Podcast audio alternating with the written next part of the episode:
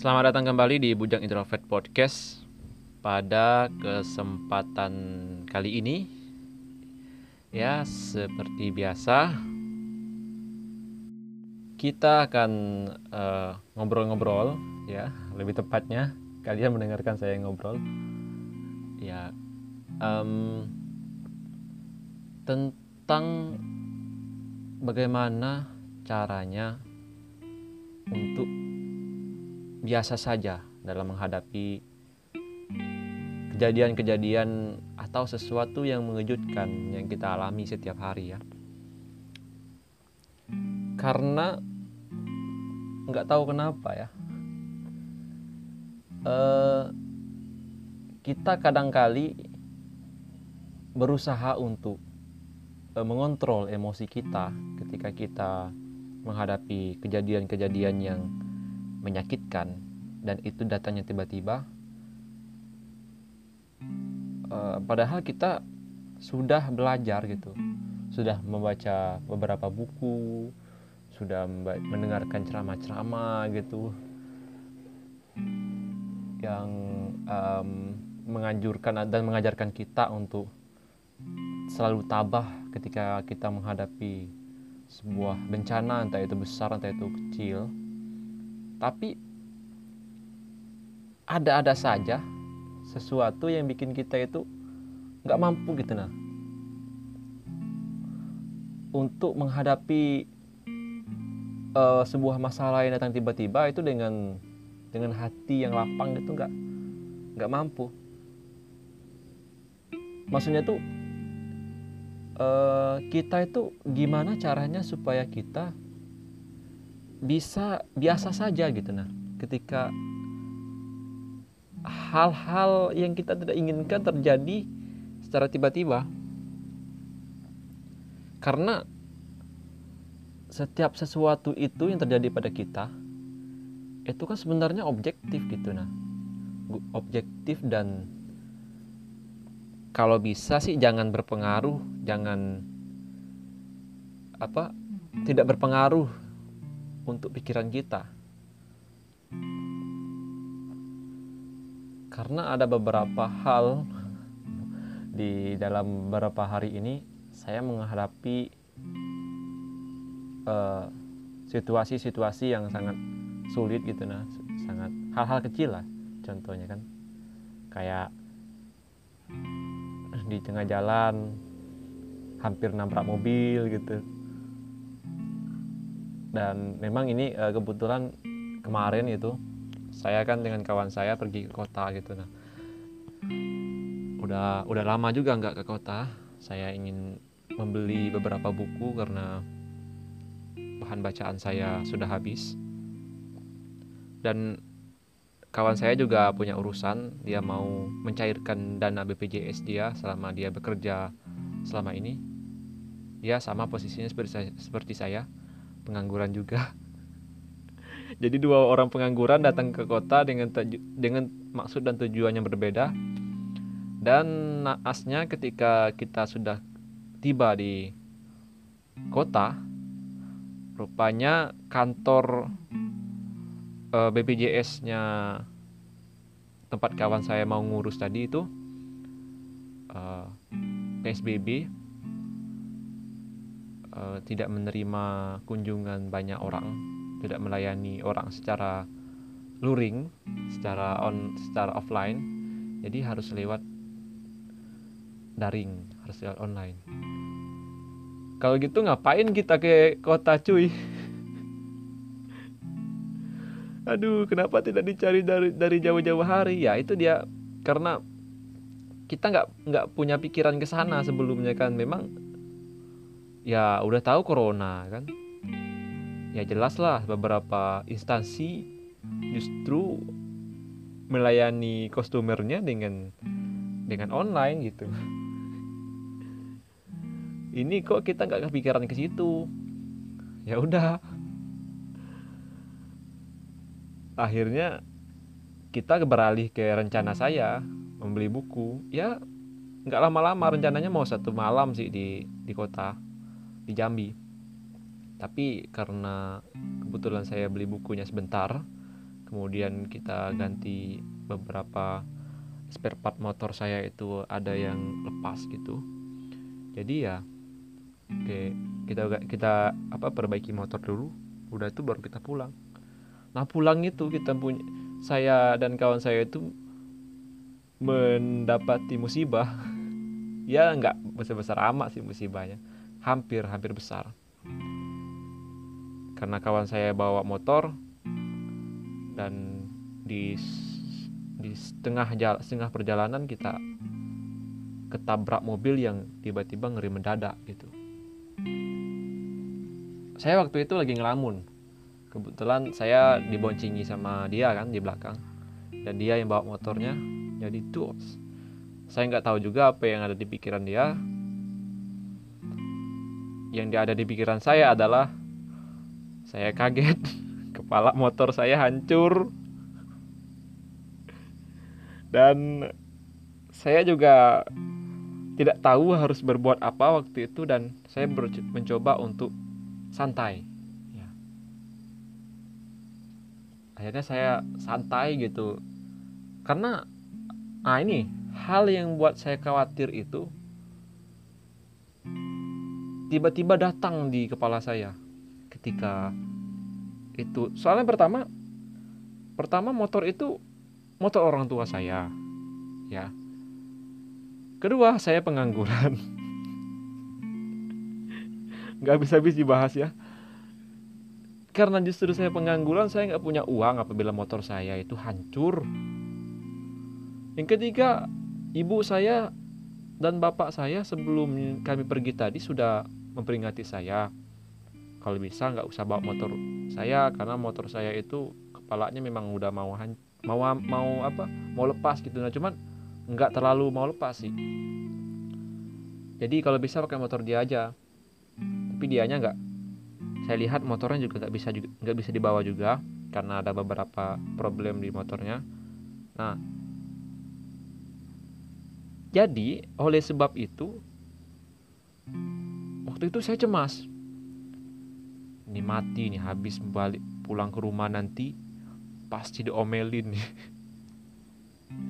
Oh itu sudah berkecamuk di kepala saya Aduh. Walaupun saya biasa aja gitu Nah waktu kita nepi dulu sebentar kan Ketika kawan saya juga panik nampaknya. Aduh gimana ini katanya. Ya udah nepi dulu nepi dulu. Kita, kita nepi Itu kepala itu udah goyang-goyang gitu Nah saya ikat pakai Saya inisiatif ada Ada tali di sana. Saya ikat kepalanya pakai tali. Akhirnya kawan saya juga karena dia panik dia keluarin duit gitu. Dia tanya ini berapa ini gantinya? Saya bilang hampir 300 kan di dikasihnya duit 50 gitu. Saya juga cemas waktu itu gimana ini?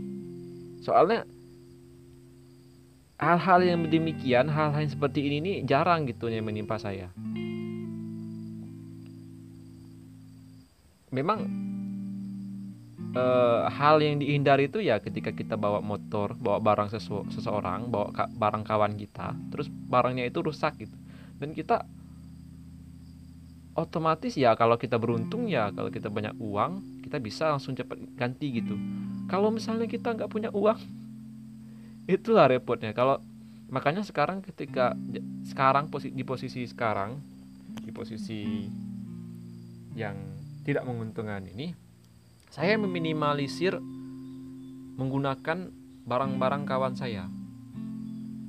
Maksudnya kayak motor, kayak apa lagi itu. Takutnya nanti rusak dan apalagi atas keteledoran saya sendiri itu saya nggak sanggup untuk mengganti. Mungkin saya sanggup tapi nggak nggak dalam waktu yang yang yang dekat ini. Jadi sekarang sih kalau misalnya ada barang saya sendiri ya lebih baik saya pakai barang saya. Nah itu kejadian ini memang eh, kawan saya yang bawa yang bawa barang saya gitu. Dan kebetulan dia yang ngancurin. Wow cemas saya oke itu tadi cemas. Yang kedua saya juga agak rada nggak enak sama dia. Karena saya juga agak gimana ya?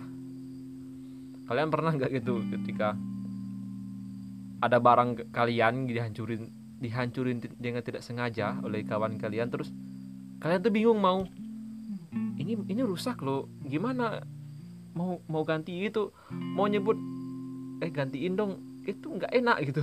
Sama kayak kawan kalian punya utang sama kalian terus kalian mau nagih cuman kawan kita ini pura-pura nggak tahu gitu. Kita mau nagih takut nanti dia tersinggung karena mungkin belum punya uang. Nah kayak gitu posisinya jadi serba salah gitu. Akhirnya saya bilang ya udahlah kamu bantuin separuh aja gitu. ya wow waktu itu saya enggak bukan maksudnya cuman gara-gara kejadian itu aja ya. Karena e, beberapa hari itu saya merasakan kayak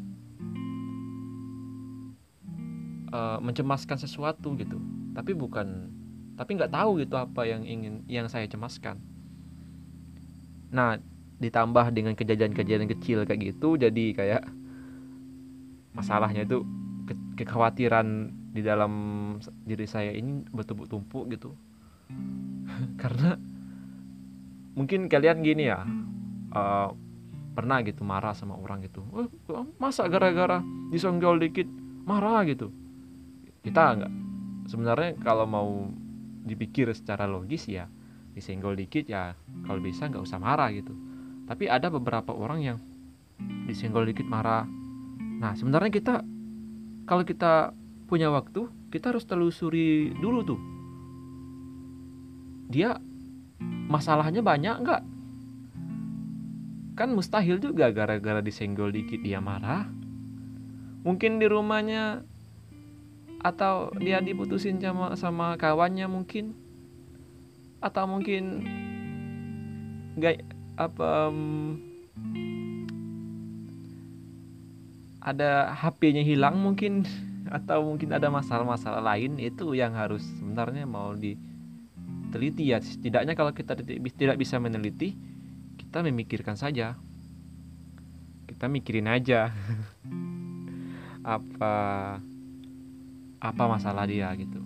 Cuman masalahnya adalah ketika kita ingin memikirkan masalah orang untuk apa? Sedangkan masalah kita juga banyak. Mending kita mikirin masalah kita sendiri. Ya enggak aduh ribet. Ngapain gue harus mikirin orang lain gitu? Orang hidup gue aja sudah ribet. Mending mikirin masalah sendiri. Gimana solusinya? Ya memang ya itu tadi yang saya bicarakan tadi. Gimana caranya supaya kita itu biasa aja gitu dalam menghadapi sesuatu? Karena mau bagaimanapun selama kita hidup ben, apa bentrokan-bentrokan kecil itu bakalan bakalan selalu ada di kehidupan kita. Nggak bisa kita elak. Penderitaan dari satu ke penderitaan yang lain gitu akan selalu menimpa kita. Karena semakin banyak masalah yang kita selesaikan mas mak, makin banyak lagi masalah yang akan datang. Misalnya uh, saya sekarang oh oke okay lah saya sebut lagi pengangguran. Dah pengangguran. Ini masalah nih pengangguran nih saya cari kerja. Dapatlah saya kerja. Nah, habis kerja itu punya uang. Itu ada lagi tuh masalahnya tuh. Entah. Nah, uh, ada laptop saya mungkin rusak, HP saya juga rusak, mau diganti baru. Nah, itu masalah lagi, itu tambah lagi masalah. Terus mungkin nanti belum lagi eh, masalah-masalah yang kita hadapi dalam teknis pekerjaan kita tadi. Pokoknya eh, selama masalah itu kita hadapi dan kita selesaikan akan datang lagi masalah yang baru. Gitu terus, gitu terus, gitu terus. Nah, pertanyaannya tadi adalah gimana caranya kita biasa aja gitu nah menghadapi masalah karena kita itu selalu khawatir selalu panik gitu ketika kita dihadapi masalah. Gimana caranya supaya kita oh ya um, ya udah sih semua orang pasti kena masalah nggak cuma aku. Kenapa ngapain harus diribetkan? Masalah ban bocor masalah uh, ditabrak mobil atau kena penyakit ya semua orang sudah pernah mengalami dan akan mengalami terus gitu. Kenapa harus kita risaukan? Makanya kita sering berkiblat ke orang-orang yang mempunyai mental yang kuat gitu. Lihat kawan kita sabar ya. Kok aku nggak bisa sih kayak dia? Atau um, lihat kawan kita yang sukses gitu. Kok kita nggak bisa sih kayak dia gitu? Dan kita uh, tahu gitu bahwa masalah-masalah itu ya dihadapi oleh semua orang. Dan itu bukan masalah itu bukan rahasia lagi. Itu sudah rahasia umum. Rahasia umum itu kayak mana sih? Namanya rahasia tapi sudah semua orang sudah tahu. Kan bukan rahasia lagi kalau sudah semua orang sudah tahu. Oh mungkin gini. Ini rahasia ini ada rahasia ada sebuah kejadian yang mana apabila diketahui oleh apabila di apa diomongkan secara luas itu rasanya nggak cocok gitu. Oh mungkin kayak gitu ya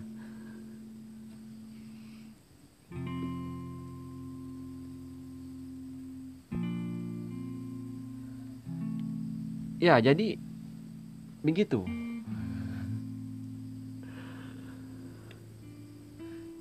Eh by the way kamu tahu nggak? Dari awal episode sampai sekarang nih saya nggak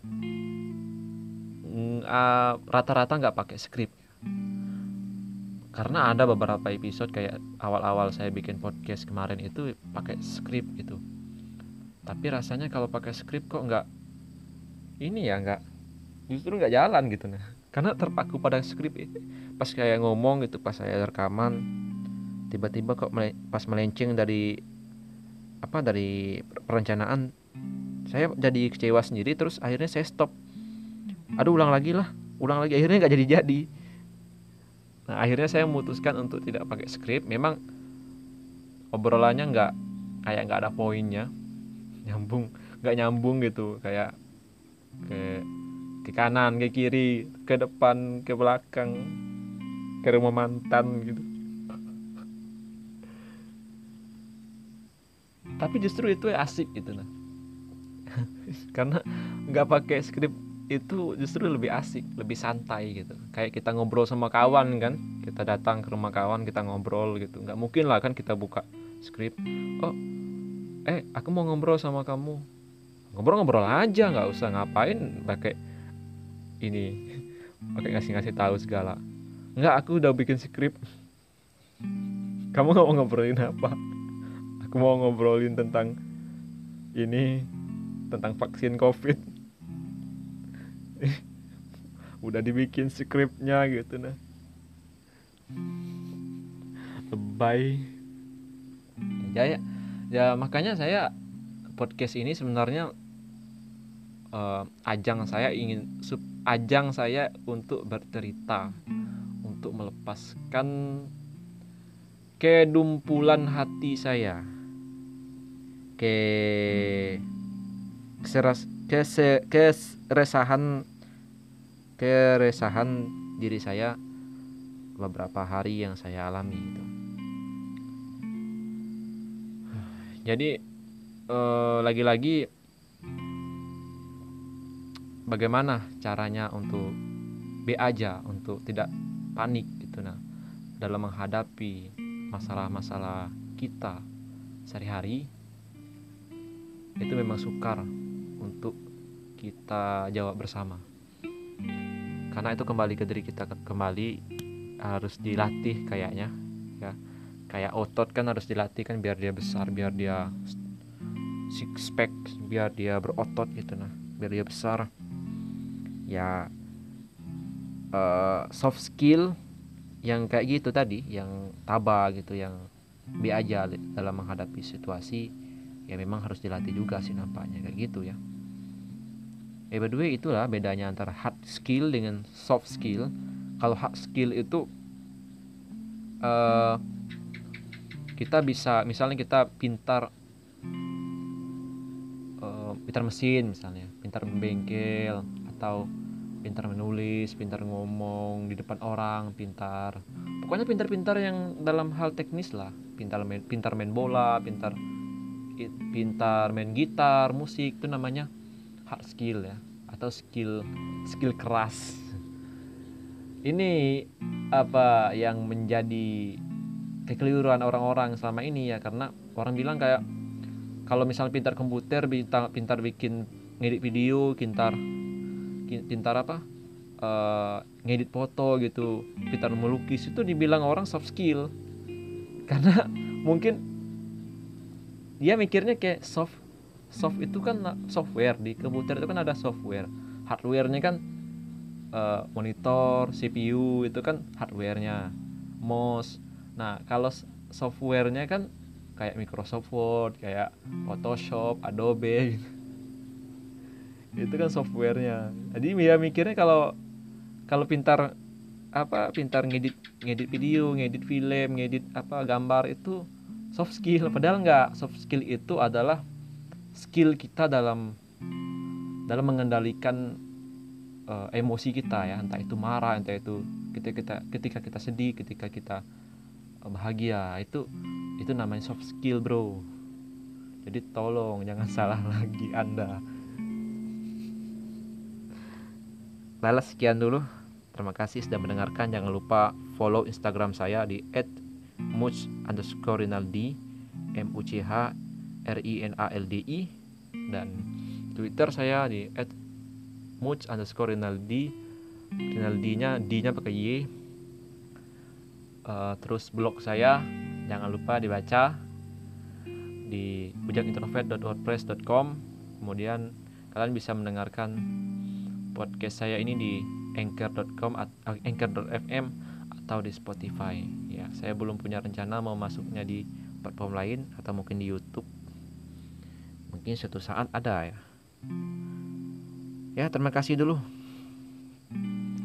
Sampai jumpa